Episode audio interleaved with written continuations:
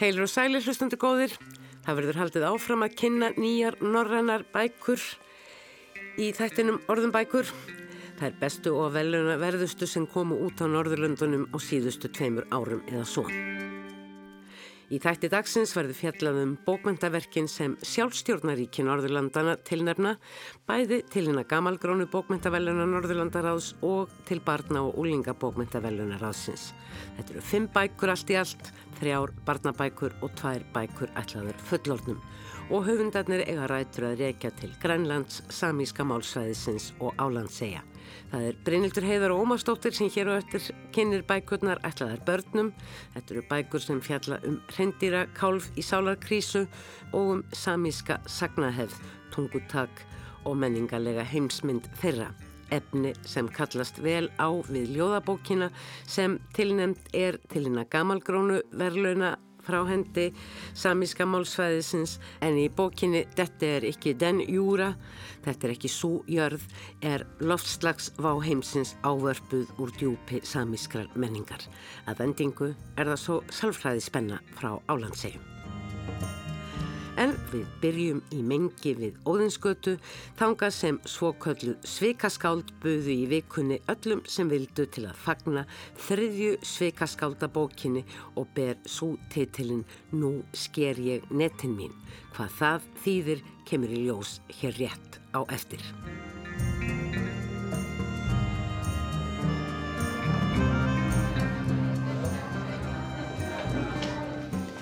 Kæru gestir, hjartanlega velkomin og takk fyrir að koma í útgáfuteiti okkar á nýju bókin okkar Nú sker ég netin mín. Ég heiti Ragnir Harpa og ég ætla að byrja upplesturinn hér í kvöld en fyrst langar mig að þakka þeim konum sem komu að þessari bók. Ása Dýradóttir er því mér í London en hún hannaði kápuna, Rakel Brautum og hannaði þessa fallegu bók. Ása á myndina og Bergþóra er yfirstjórun okkar hér. Þannig að við slumum þakka fyrir okkur. Það er allt gert í samtali og allt í samstarfi og þannig er allt lífið. Undir heimar. Þeim mun stærri netum sem ég kasta frá borði því betur finn ég að undir meðvutundin er gnæktarpollur. Hildýpi af ljósendum, myrkra kompum og gróðari sem tunglið eitt hefur tókrafta til að færa úr stað. Neðansjávardýrin eru ófreskjurnar sem umbreytast um leið og er hort á þær.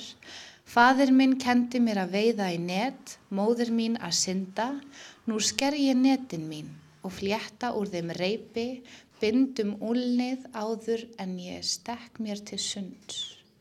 Nývarnir ískaldir taka beittir á móti mér.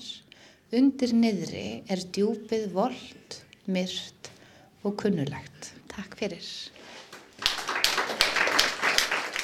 Ég býð nú sunnudi í smástóttur að taka við. Komið sæl. Takk fyrir að vera með okkur í dag. Þetta er geggjaðu dagur. Þetta er mikill gleðidagur fyrir okkur þegar Sveikaskald gefur bók. Og ætla að byrja á ljóði sem heitir Sulta. Auðvitað er þetta ekkert nýtt. Konur hafa alltaf komið saman í húsi við hafið í uppskeru tíð.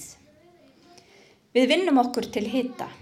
Einn svitadrópi millir brjóstana, á öðru perlar mjólkin. Skiptumst á að kaupa sigurinn. Ferjum hann í ferðartöskum á hjólum sem við höfum keift á götumörkuðum og flugvöllum, spennum bleikt belti utanum þær miðjar svo við þekkjum þær aftur. Trostnað Louis Vuitton merki minnir okkur á ferðina til Tyrklands þannum árið Þar smökkuðum við fyrst pistasíumauk. Potturinn var sameinleg fjárfesting. Hann rúmar jafn marga lítra og renna í æðum okkar. Sultan kraumar, einhver grætur kannski, sigur bráðinn svittnar á pönnu, það þyknar í okkur. Við stillum fram keksinu, einni ólífukrukku, á eftir fyrir við kannski pottin. Setna Fleitum við ofan af sultunni, sigur, löðri en hendum aldrei. Berum það út í rauðri skál, látum leka hægt ofan í moldina sem er að verða til eins og við. Svikaskáld eru sex unga skáldkonur sem koma reglulega saman og draga sig í hlýja frá skarkala borgarlífsins í þeim yfirlista tilgangi að skrifa ljóð. Stiðja hver aðra, lána og fá lánað, breyta og bæta hver hjá annari. Ný bók þeirra, Nú sker ég netin mín, kom út í vikunni en áður hefur þetta ljóðakollektív eins og þær Fríða Ísberg, Melkorka Ólafsdóttir, Ragnhjörður Harpa Livsdóttir, Sunnadís Másdóttir, Þóra Hjörleifsdóttir og Þórdís Helgadóttir kjósa að skilgreina sig, sendt frá sér ljóðabækurnar Ég er ekki að rétt upp hönd árið 2017 og Ég er fagnaðar söngur árið 2018. 19. september 2019 var það svo Nú sker ég netin mín. Þær eru sestar hérna hjá mér í viðegandi fagnaðar vímu í útgáfuhófinu. Það er Ragnhjöður Harpa Livstóttir, Melkorka Ólastóttir og Þóra Hjörleifstóttir. Hver er þessi ég í titlum bókaneikar? Það er kona, við vitum það. Uh, Titillin á þessari bók um, kemur að ljóði eftir Ragnhjöður Hörpu. Þannig að hún vil kannski segja okkur meira frá þessari konu. Þetta er fyrsta ljóðubókin okkar sem er í rauninni saga frá upphafi til enda. Þannig að þetta er í rauninni karakter. Hún byrstist okkur fyrst, hún mætir á eitna, hérna, eigu, óskilgrenda eigu og hún er þreytt. Hún er eitna, hérna, útbrend elspýta, þetta fæ ég að lána frá Þóru og ljóði frá henni. Og hún fer í rauninni gegnum ákveðu ferli á þessari eigu, þar sem hún mætir sjálfur sér og þeim sásöka sem býr þar og þetta er svona heilunar ferðarlag. Hún mætir kettlingum á eiginni. Mm. Bækurnar ykkar hafa svona gætnan hverfstum einhvers konar tematík hvort sem að það hefur komið til af tilvílun eða verið að yfirlögður fyrirfram ráði og uh, síðasta bóki var Fagnaðasöngur, þar var þessi mikla skessa, þessi fyrirferðar kona sem að tekur sér pláss og er kannski ekki alltaf vinsæl fyrir vikið eða allavega hefur hún farið inn í þjóðsögur og, og sagna arfin undir freka neikvæðum formerkjum. Og ef ég mann rétt á var fyrsta bókin svona svolítið til að staðsetja ykkur í því sem að þessi félagskapur sveikaskáld stendur fyrir. Og nú er hér á þessari eigu þar sem þið í þetta sinn komuð saman sem er flategi og breyðafyrði umlugin sjó, það er sjórin og það er öll þessi viðkoma. Þetta að í rauninni að gera sér heimili en svo kemur einmitt þessi kettling sem að Ragnhildur myndist á. Var þetta eitthvað sem þið byrjuðu að ræða bara strax þegar þið komið út í flati? Uh, já, sko allt sem að kemur í bækunar okkar er ekkert fyrirfram ákveði. Þetta gerist allt sem er mjög organist. En við vorum allan tíman, við vorum í flati og eiginlega alltaf þegar við erum saman þá vorum við mjög mikið að fagna kettlingunum og, fa og fagna því að bara hvaða er geggið að vera kettling, að vera reynd kona sem veit hvað hún vill og er ekkert að tvínóna við hlutina. Og það var einhvern veginn, þú veist, þetta er svona skammarirði samt líka sem við höfum heyrt frá því að við vorum litlar og það er líka vestar sem að segja við kallmann að hans er kettling. En við, við viljum eiginlega bara snúa því við, af því okkur finnst þetta að vera bara það magnaðasta sem hægt er að vera. Það að vera kettling er náttúrulega, þú situr í sjálfrið þér, þú veist hverju viniðin er, þú ert hérna sáttu hvernig þú ferði gegnum dagana og, og kannt að vera góð við sjálfa þig og svona það er svona ymsir ótvíraðir kostir við að vera kettling svona í þessu hérna samkvæmt þessum skilgreiningum sem við vorum að vinna með. Við tökum alltaf með okkur ljóðabækur inn í svona ferli og við fengum að láni ljóðabók eftir Efurún Snoradóttur og þar fjallar hún svo skemmtilega um kjallingar mm. og það sveif með okkur, það flauti við vatnum hjá okkur í þessum, þessum breyðaferði, kjallingarnar. Svo var þarna einn, já, ég veit ekki hvort ég á að segja kjalling, hún er eh, reynda lönguláttinn, svona móðir hins norranna mótanisma, veitnaði í hana og eitt ljóði tilengaðinni, Edith Södergran. Já.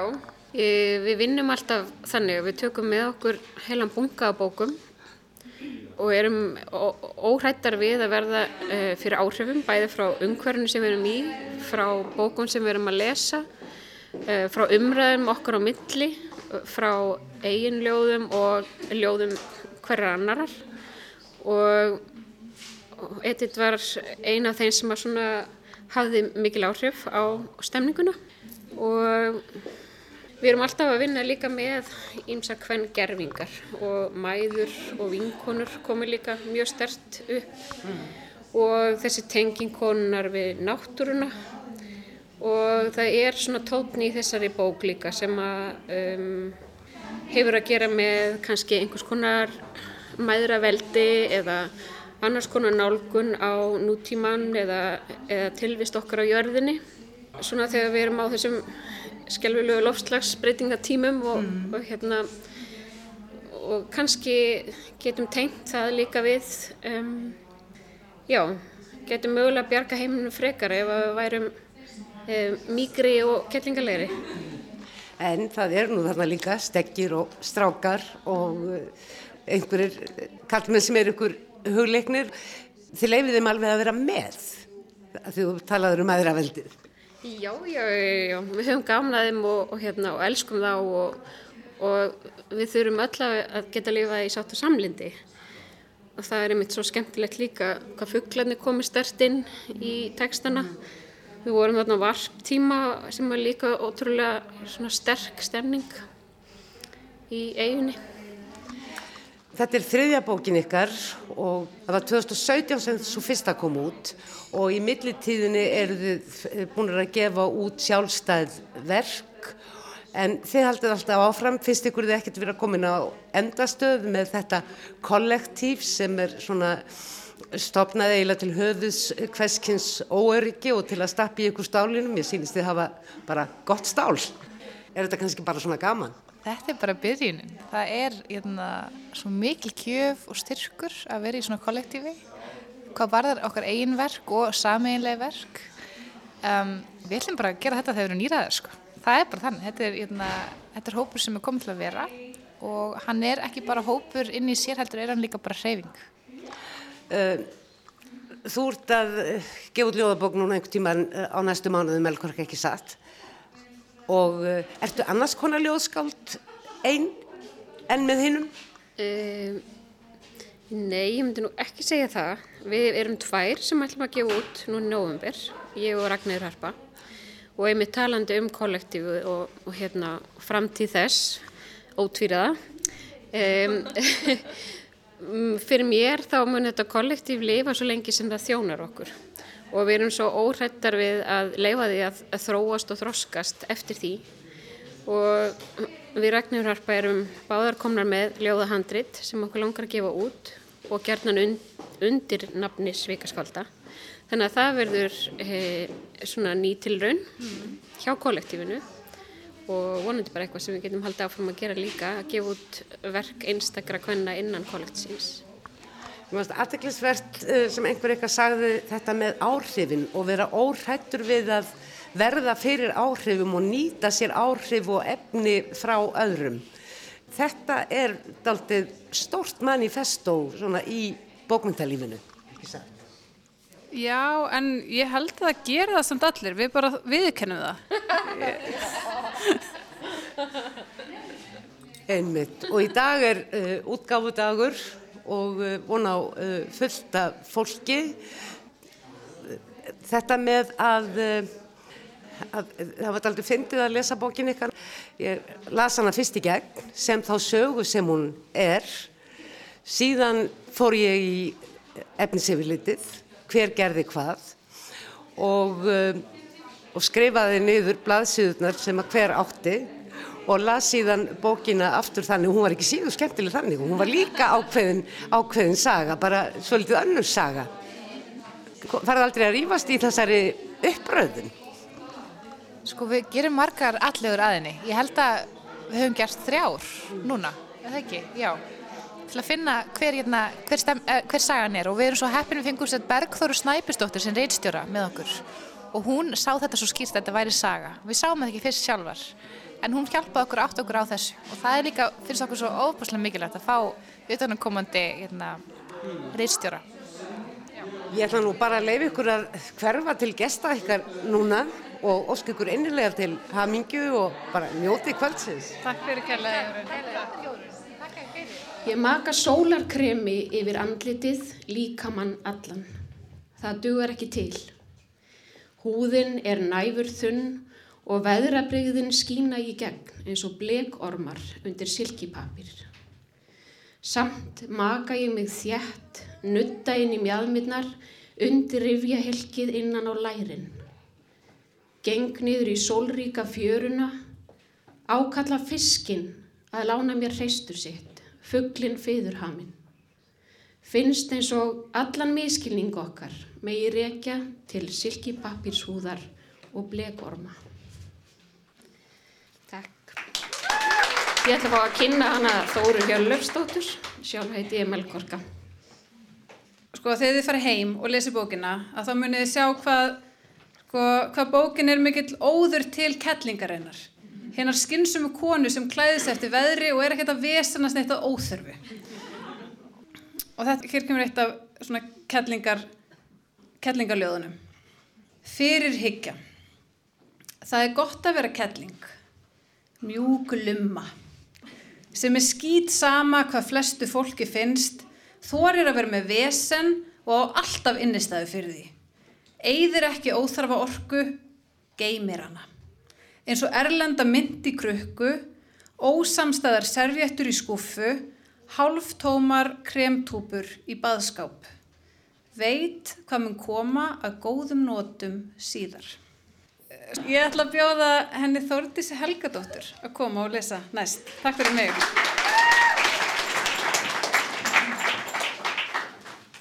Hæ, kannski byrja á einni kettlingu líka. Tilverustig. Á háflóði smetli ég mér í bólinn og faðma breyðafjörð. Þar sem frumsúpan mallar enn í flæðarmálinu. Svo sem hefur séð nógu margar fæðingar veit að það er allt til í þessu að það sem einu sinni kemur upp úr sjónum getur alltaf farið út í hann aftur. Löðrið fyrir handan laumar kossi á þakskeggin. Venus er kettling í sjósundskóm. Hún hefur flutt lögheimili sitt úr landi. Þá ætla ég að bjóða Fríðu Ísberg.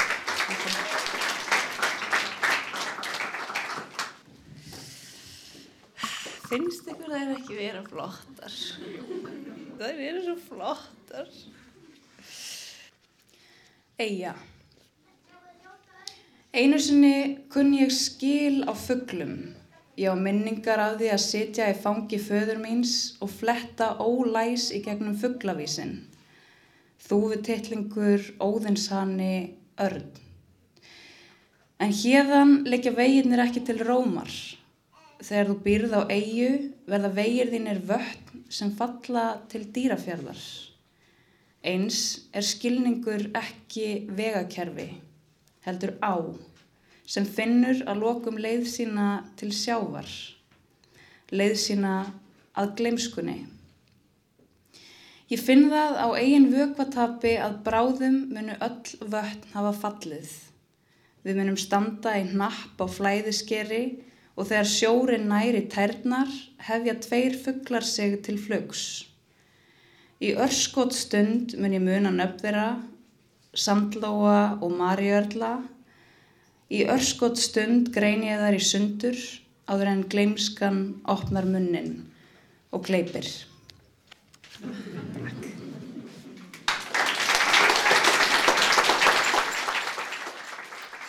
Við heyrðum hér brot úr dagskráni í mengi þegar ljóðabókinni Nú sker ég á netin mín eftir sveikaskáld var fagnað. Dagskrána í heild má hlusta á á heimasíðu þáttarins rúf.is skástrygg orðum bækur í einu orði.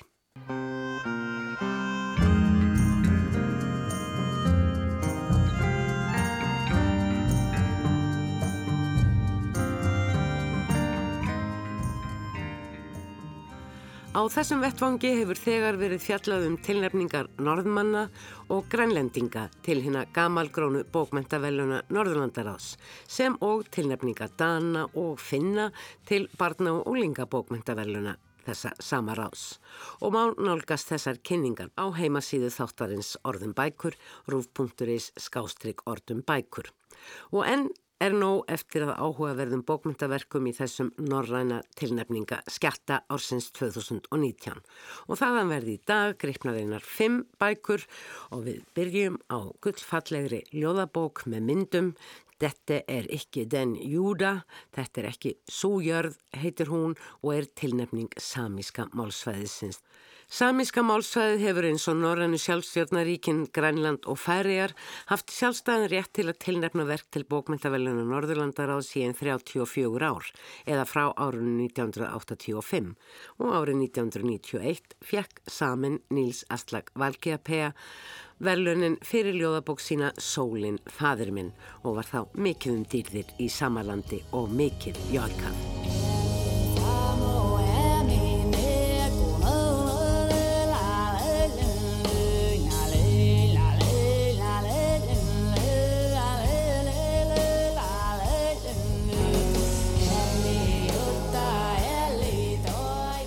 Samíska málsvæðið á Norðurlöndunum er stórt og næri við nýstu hluta Skandinavíu.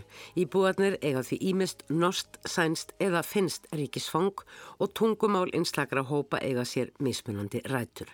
Ekki er gott að átta sig og fjölda sama á þessu landsvæði út frá fyrirlíkjandi upplýsingum en það hafa samar blandast herraþjóðunum er svo má orði komast.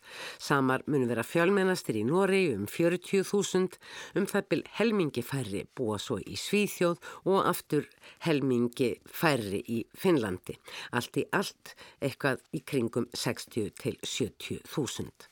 Varðandi tilnefninga til bókmyndavelunum Norðurlandaráðs hafa það oftast verið höfundar frá samíska málsvæðinu í Noregi og Finnlandi sem hafa verið tilnefndir sínu fleiri þó af norska svæðinu. Tungumál sama, samískan, er af finnsk úrgrískri grein úral tungumála og er því skilt finnsku, istnesku og ungversku. Ritmál samískrar tungu þróaðist í gegnum tíðina með ólíkum hætti meðal ólíkra hópa sama.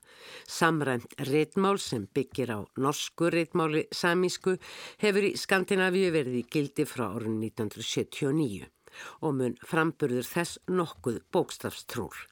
Samískan notar brottstafi líkt og íslenskan auk þess að eiga í stafráfi sínu fáina sér samíska samhljóða sem hefur vist faldið ákveðnum erfileikum í samtímanum ekki síst í sambandi við tölfur og internetið. Útvarpið hefur hins vegar frá upphafi verið mjög mikilvægur miðill til að tengja sama hvarvetna, ebla þeim samstöðu og tengst við menningu sína auk þess að vera mikilvægur vinnustafið fyrir lista og bladamenn. Bókmyndið saman ná allt aftur til 17. aldir að minnstakosti en það er ekki fyrir ná 19. öld að það er var að skrá sögur þeirra og æfintýri með skipulögðum hætti.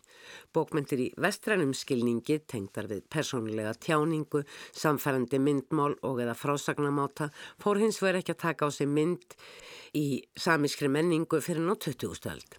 Ljóð hafa verið fyrirferðamesta bókmenta greinin á samíska málsvæðinu þegar litið er til verkana sem tilnæmt hafa verið í gegnum tíðina.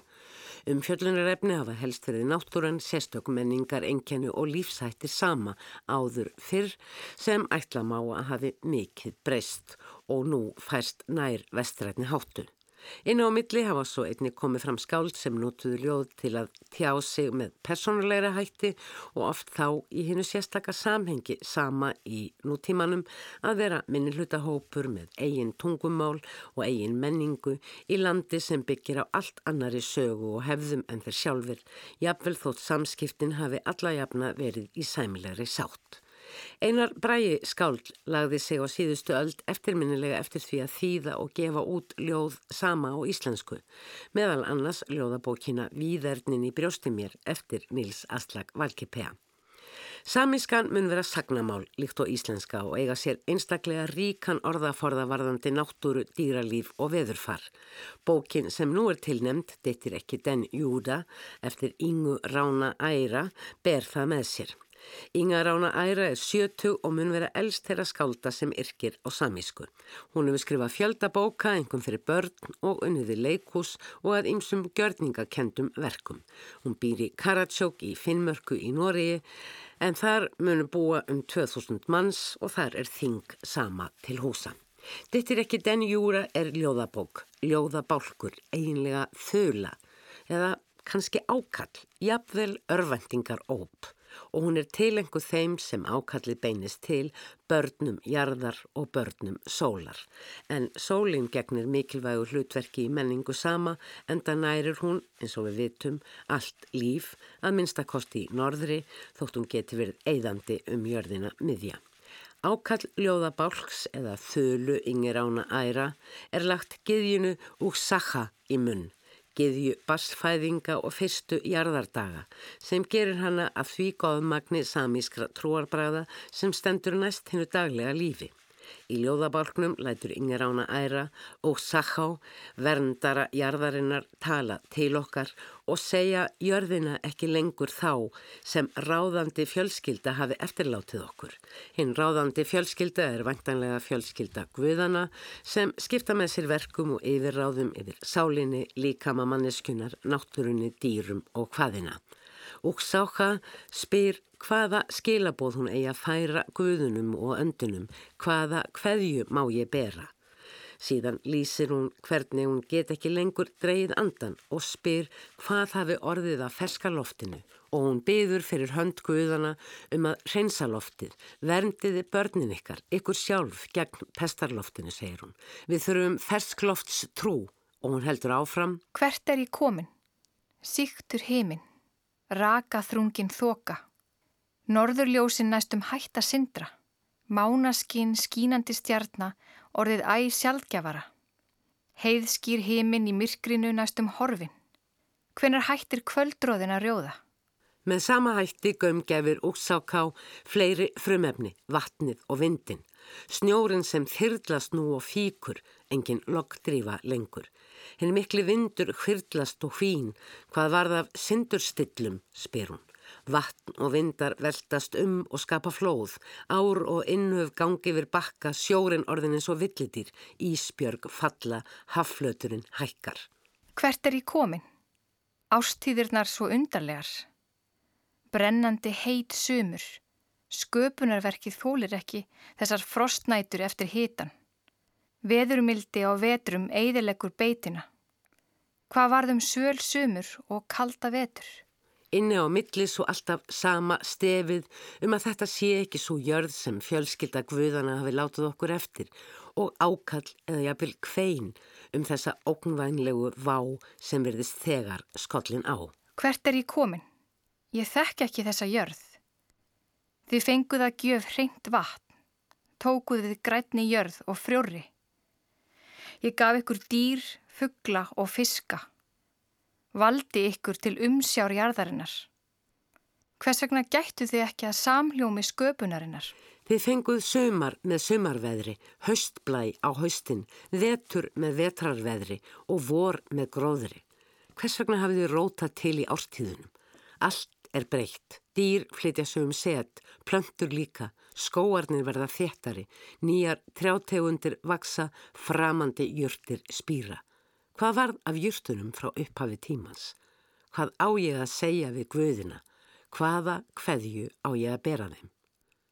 Þetta eru einfæld ljóð þar sem endurtekningum er beitt en líka fjölskrúðu og ljóðmáli, náttúru og veðurlýsinga sem eftir því sem segir í greinagerð valnemdar eiga djúpa rætur í samiskri tungu og menningu. Því er jafnvel haldið fram að lesandanum sé nöðsinn að kunna skil á menningarheiminum að baki. Ég er ekki samála því vegna þess að ljóð ynguránu æra opna innmitt gátt inn í þennan menningarheim. Það sem ljær ljóðunum sérstöðu er svo nánt sem skáldið hefur við náttúruna og er heitu tilfinningar og sterku tengsl við umhverfið allt sem byrtast í efnistökunum. Hvert ljóð er markað lífsreynslu sem byrtist í einstökum orðaforða og ýmsum loftslags veður og náttúrutengdum hugtökum sem eiga nú að hættu að hverfa úr samísku nútímamáli eftir því sem segir í greinagerð valnemdar. Hér er á ferð bók sem hefði ekki geta verið skrifið af hverjum sem er eða hvar sem er, heldur aðeins af skáldi sem fættist inn í samist samfélag fyrir meira en 70 árum og býr yfir þekkingu og reynslu sem spanna þær breytingar sem orðið hafa á loftslægi og veðurfari á undanförnum áratugum. Eiga síður mælir Inga Rána æra fyrir munn okkar allra í ljóðum sínum. Þar sem leittar eru frá myndir af káosi, stormum og ringulreið og síðan andstæðinni, samhljómi, sátt og skipan. Já, við höfum farið illa að ráði okkar. Hvað getum við sagt? Hvaða hverju getum við beðið fyrir til guðana? Okkar er ábyrðin. Hverju erindi þölunar fylgir á síðunni á móti máluð mynd eftir Mattís Nangó sem er samískur listamæður. Myndirnar eru abstrakt í ymsum bláum litbreyðum, veður blámi þar sem öðru hverju glittir í gullt og enn sjálfnar grænt því blámi er að leggjast yfir. Bókin Dittir ekki den júra er falleg bók, bríning frá samalandi til okkar allra.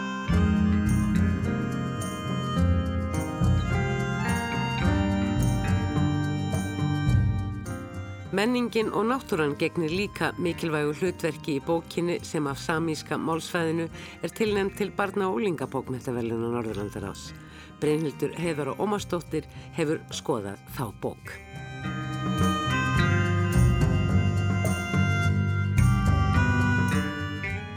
Náttúran og menning sama er í fyrirrúmi í bókinni sem í ár er tilnæmt af samíska málsfæðinu sem er ljóðabókin Sjelle Speial eða Verndargrips speilin eftir Karen Anne Buljó.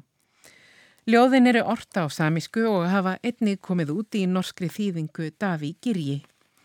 Ljóð Buljó eru ástaróðu til samískrar menningar og sögu, ljóðum þjóð sem á sér ótrygga framtíð, þjóð sem yrkir á tungumáli í útrymmingarhættu.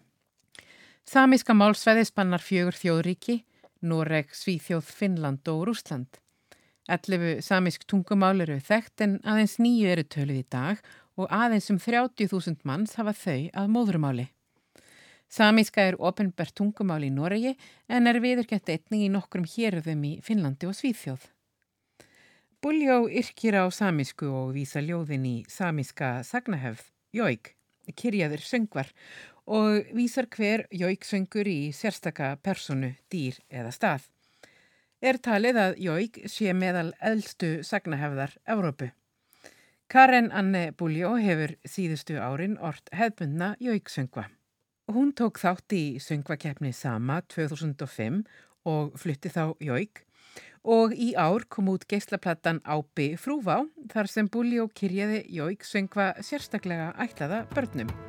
Mari, mari, mari, mari, mari, höna þeir, gitti, gitti, gitti, gitti, gitti, gitti þeir. Mari, Mari, Mari, Mari, höna þið Gitti, gitti, gitti, gitti, gitti, gitti þið Tilku koppa, tilku koppa, gitti þið Tilku koppa, tilku koppa, gitti þið Jóik söngkafðinn að yrkja á samískan máta veitir ljóðmælanda búljó kraft. Jóikið er uppspretta nýs samísk skaldskapar, innblástur og endurníun sem ebla menninguna til framtíðar. Í ljóðinu Sálarsistir fjallar Búljó um samspil menningar umhverfis og kyns og hvernig þessar hugmyndir fléttast saman í sterkri sjálfsmynd ljóðmælanda, ekki aðeins sem samískrar konu, heldur einnig sem ljóðskálds. Langt í burtu heyrði ég jóik. Jóikið var svo þekkt að ég jóikaði jóikið. Langt í burtu sá ég veru. Útlínunnar voru svo þekktar, ég leita á veruna. Langt í burtu sá ég fjall. Fjallið var svo þekkt að ég gekk upp fjallið. Ég fann nafnið mitt í jókinu. Ég fann kyn mitt í útlínunum. Ég fann heimili mitt í fjöllunum. Ég lánaði þér jókið mitt. Ég deildi kyni mínu með þér. Ég vísaði þér leiðað fjallinu. Nú voga ég mér að jóka sjálf. Nú voga ég mér að mæta mínu eigin kyni. Nú voga ég mér að að vera í mínum eigin heimkinnum. Búljó beitir ekki rými í ljóðum sínum, heldur notar hún stuðlun og klefin til að skapa ljóðræna held. Klefinin skapar þungan takt í ljóðunum sem er mögulega tilvísin í Jóikhefð sama. Bókin er tilnæmt til barna og unglingabókmentaverluna Norðurlandar ás en ljóðin eru alls ekki barnaleg. Ljóðin eru meittluð og myndmalið og tilvísanir oft það floknar að erfitt er að sjá að börn skilji án aðstóðar fullorðina. Ljóðabókin er ekki myndskreitt sem kemur á óvart en lang flestar ljóðabækur sem ætlaðar eru börnum eru einnig myndskreittar eh, til að lokka börn til lesturs. Verndargrips speillin eftir Karin Anne Buljó er ágætt ljóðabók ætliði lesendum á öllum aldri.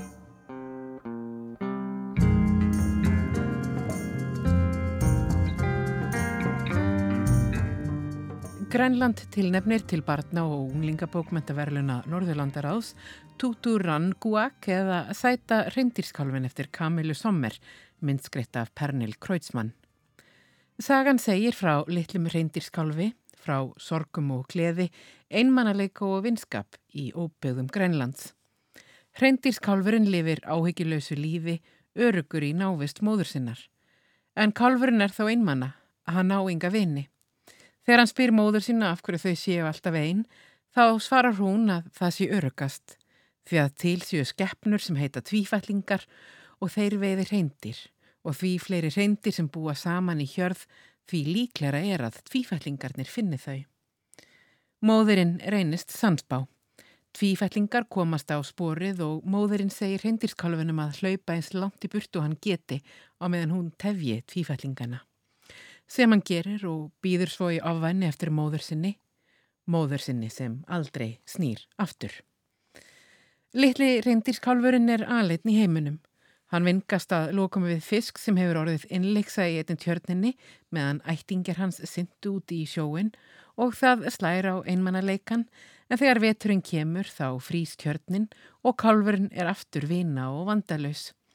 Mikil gleði er þó þegar sumarið kemur Klakin hverfur af tjörninni og kálfurinn og fiskurinn hittast á ný.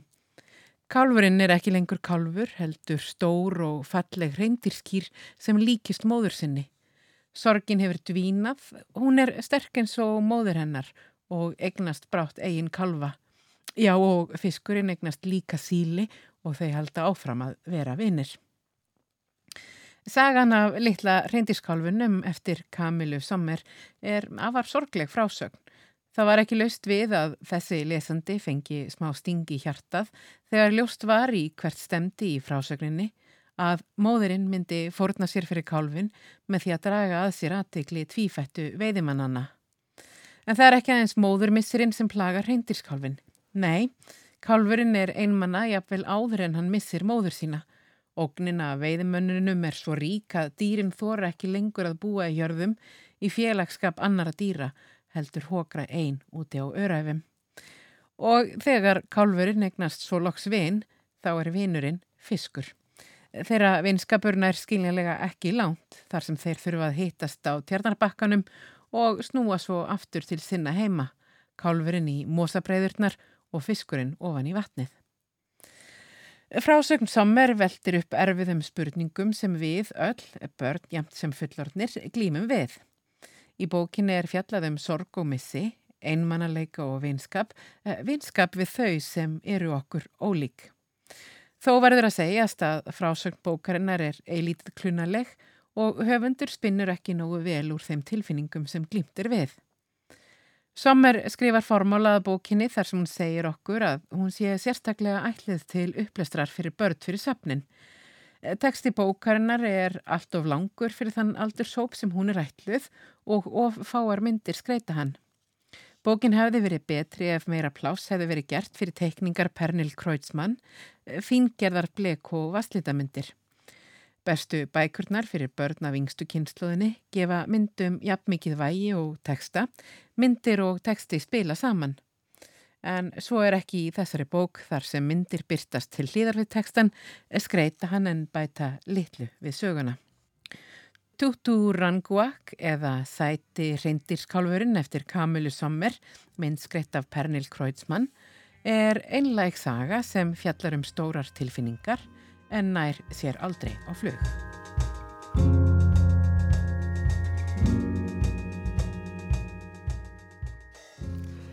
Það er komið að tilnefningum álandseyinga til bókmyndaveluna Norðurlandaráðs. Álandseyjar er eins og margir vita sjálfstjórnarsvæði og hluti af Finnlandi. Samkvæmt Wikipedia teljast til þessa eigaklassa 6500 eigar og sker sem liggja mitt á milli Finnlands og Svíþjóðar. Flestir íbúana 28.000 tölu búa á svo kallaða fasta álandi og langt flestir í höfuborginni Marienhamn. Talið er að þegar um 3000 árum fyrir Kristburð hafi fiski og veiðimenn sest að á álandsegjum. Þá hafa þar fundist fornmunir, skrautmunir og vopn frá bronsöld Norðurlandana í kringum upphaf Kristins tímatals. Á fyrstu öldum eftir Kristburð og fram á þá sjöndu verðist hins vegar ekki hafa verið neyn búseta á álandsegjum og engin veit hvers vegna.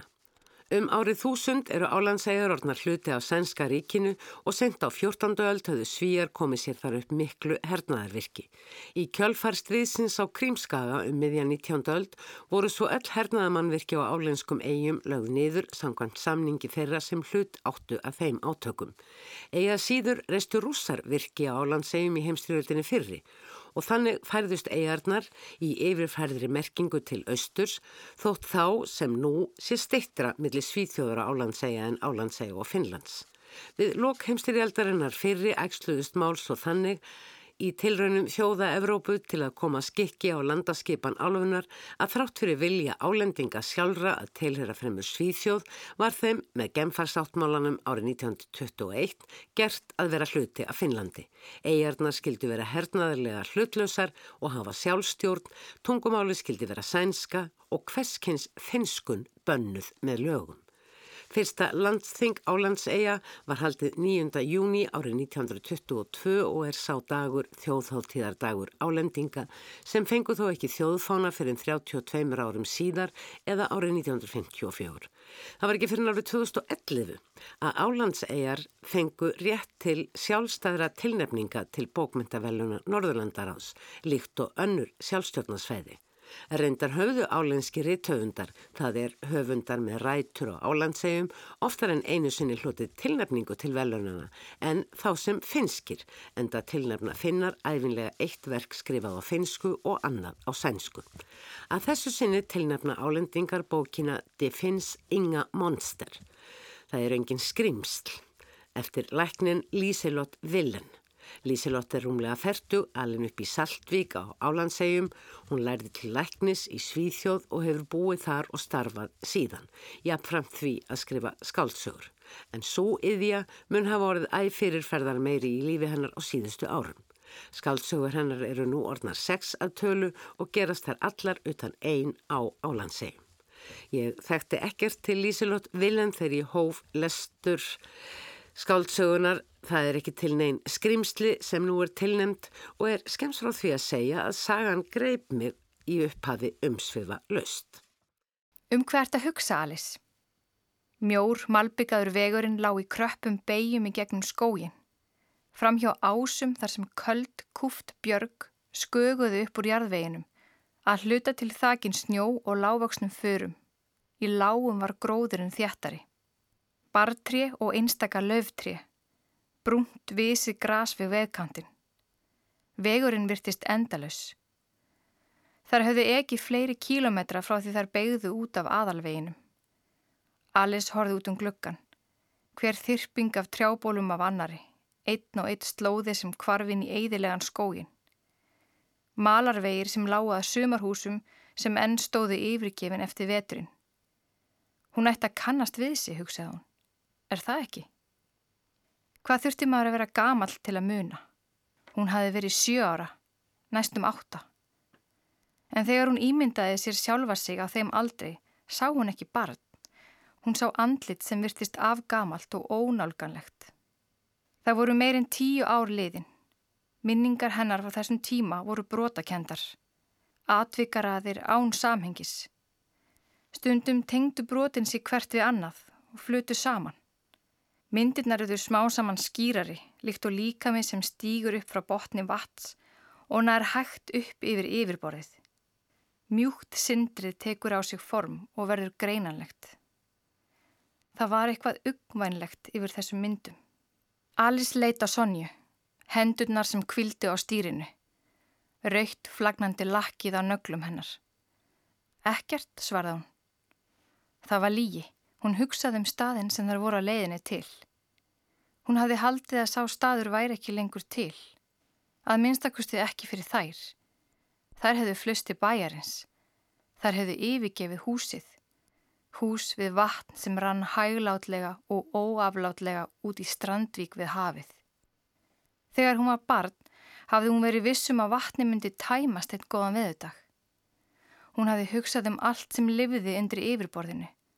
Skordýrin og pötturnar og fiskana. Hún hafði séð fyrir sér hvernig öll þessi kvíkindi þrengdu sér saman í pollana sem yrðu eftir á botninum eins og fiskar í stampi sem berjast fyrir lífi sínu. Sonja hafði hleigið að henni, en ekki Ívan. Hann hafði sest á hækjur sínar við hlið hennar á ströndinni og hort í augun á henni. Það bætist stöðut við vatn, hafði hann sagt, frá skóginum. Allir litlu lækirnir og lænurnar. Regnið sem fellur. Vatnið hverfur aldrei. Og auðvitað var það rétt hjá honum. Vatnið hjælt áfram að renna. Það hafði ekki horfið, en það hafði allt annað. Það er einn 17 ára gamla Alice sem segir frá. Fljótlega kemur í ljós að Sonja er móðir Alice og Ívan fadrennar. Þótt lengi framan af hafi sá lesandi sem hér talað verið vissum að Ívan væri eldri bróðir Alice. Mæðgurnar eru komnar í lítið hús í styrjálfbílinu og þar ætlaðar að búa um hríð svo að Alice öðlist ró. Fram að þessu höfðu mæðgurnar búið í borginni þar sem Alice gengur í mentaskóla. Hún hefur átt erfiðar drömfarir, sitt hvað úr fortíðinni hefur sótt hana heim, sitt hvað sem hún skilur ekki og gerir hana uppstokka og ódreiknarlega. Sonja sendur hana til gæðlæknis sem reynir að tala við hana og skrifar upp á lif. Nú er upplæstra fríði fyrir stúdansprófin hafið og Sonja ákveður að þær maður skulu snúa aftur á staðin sem áður nefndir draumar virðast eiga upptök sín en fyrst og fremst því þar er kyrð og ró. Þetta er saga um það hvernig átækanlegur atbyrður í bensku, óútskýrt brottkvarf, dauði, föður, fylgir barni til úlingsára og þótt barnið nú orðin úlingur muni alls ekki hvað gerðist þá býr eitthvað óutskýrt og jafnvel ógnandi í huga þess, í líkamannum, tilfinningunum og sækir á í draumi. Þannig verða til í vitund Alísar brot, leftur sem hún átt að segja ekki á en vekja henni mótsagnakendar hugsanur um það sem gerðist í aðdraganda þess að hún fannst sjóra gömul inn í skógi og var borin heim í húsið. Báturinn láfið ströndina og Ívan var horfin. Hér er leitt fram sagaatburðar sem gerðist tíu árum fyrr í gegnum brot og leiftirmyndir sem þetta eða hitt sem Alice sér og heyrir sömt raunverulegt annað ekki kallar fram í huga hennar og hún reynir að raða saman út frá viðbröðum fólks við þeim mæðgum og ekki síst viðbröðum móðurinnar við ymsum spurningum sem leita á Alice og hún ber sömar hverjar upp.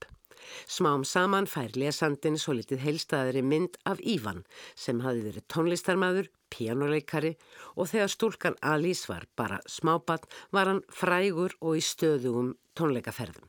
Móðurinn er greinilega líka í krefjandi starfi sem náttúrufræðingur og á meðan á dvöl þegar maðgna í húsinu stendur fer hún daglega til vinnu sinnar í bænum og það hefur hún augljóslega alltaf gert. En svo veriðist hafa komið að því á sínum tíma að Ívan let af tónleikaferðum sínum. Hann gerðist kantor við Þorpskirkju á eiginu þar sem húsið stendur, hann leikur á orgelið og vill byggja upp afbragskór. En það er ekki svo margt fólk í þessari sókn og það þarf að sinna fleiru en að æfa sig til að verða hluti af framúrskarandi kór. Hinn um metnaða fulla kantor mislíkar og það endar með því að hann missi stjórn á sér. Eitthvað gerist, eitthvað hræðilegt sem aldrei er nefnt. Hann fær líka útrás fyrir metnaða sinn með því að kenna dótturinn að spila á hljóðfærið. Hann hvetur hana óspært og feðgininn virðast hafa átt helgar stundir við hljóðfærið í þókukendum minningum Alice. En hún hefur ekki snert hljóðfærið í tíu ár eða frá því hún læsti fliklinum í húsinu þeirra eftir að hún kom út úr skóginum og líkillin kvarf. Það er gefið í skinni frá sögnunu að Alice hafi jafnvel búið yfir einhvers konar náðargáfi á sviði tónlistarinnar. Á meðan á dvölmaðgnana og eiginu stendur undirbýr Alice sig undir stúdensprófið en hún snuðrar líka um í húsinu, finnur tekningar sem hún sjálf gerði sem barn, ljósmyndir, jafnvel född sem kveikja á minningum en leiða líka til rangra álittana. Ástinn blandast hér líka í málið en á nærlegjandi stórsetri við húsmaðgnana býr fjölskylda sem rekur hótel.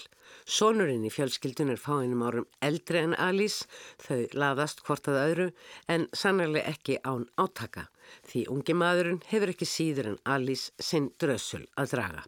Hann er fastur við hótelið vegna óstöðugs ástands móður sinnar sem reglulega þegar eitthvað kemur upp á missir stjórn og lokar sig síðan af. Auðvitað kemur í ljós að tráma ungamannsins og tráma Alice tengjast Ívan og hans botlösa tónlistarmetnaði. Það verður að segjast eins og er að fallega skrifaður upphápskablin með áheiti á ljóðrænan og spennandi sálfræðitrilli fylgdi því ekki eftir. Þar ræður að mestu ófullnægandi personusköpun sem gerir það verkum að ymsir fallegir kablar bókarinnar þar sem náttúru eigarinnar og lífi ymbigjarana er líst yfirskikjast af ósvörðum spurningum til að mynda um framkomi móðurinnar sem vil augljóslega dóttur sinni vel en má hreinlega ekki vera af því að sinninni. Ekki frekar en hún mun hafa mátt vera því að sinna píjónuvirtuósnum einmanni sínum eða dótturinni, ungri, tíu árum fyrr og því fór á endanum sem fór. Og það eru fleiri personur sem vekja spurningar og opna jafnvel gloppur í framvindu sögunar.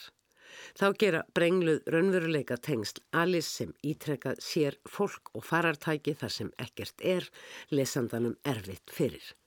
Reyndar er ekki ólíklegt að það sé einmitt ætlunin fyrir utan að auka spennu án þess að það takist nægilega vel. Þannig að skáltsagandir finns ynga monstrar, oskup venjuleg skáltsaga sem líður fyrir gloppóta framvindu og fremur döflegar personur.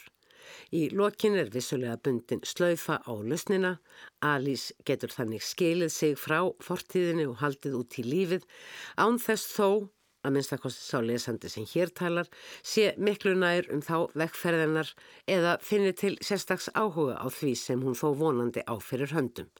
Það er með öðrum orðum ólíklegt að þessi skáltsaga til finnst Inga Monster eftir Líselott Villen komi frekar við sögu velunana.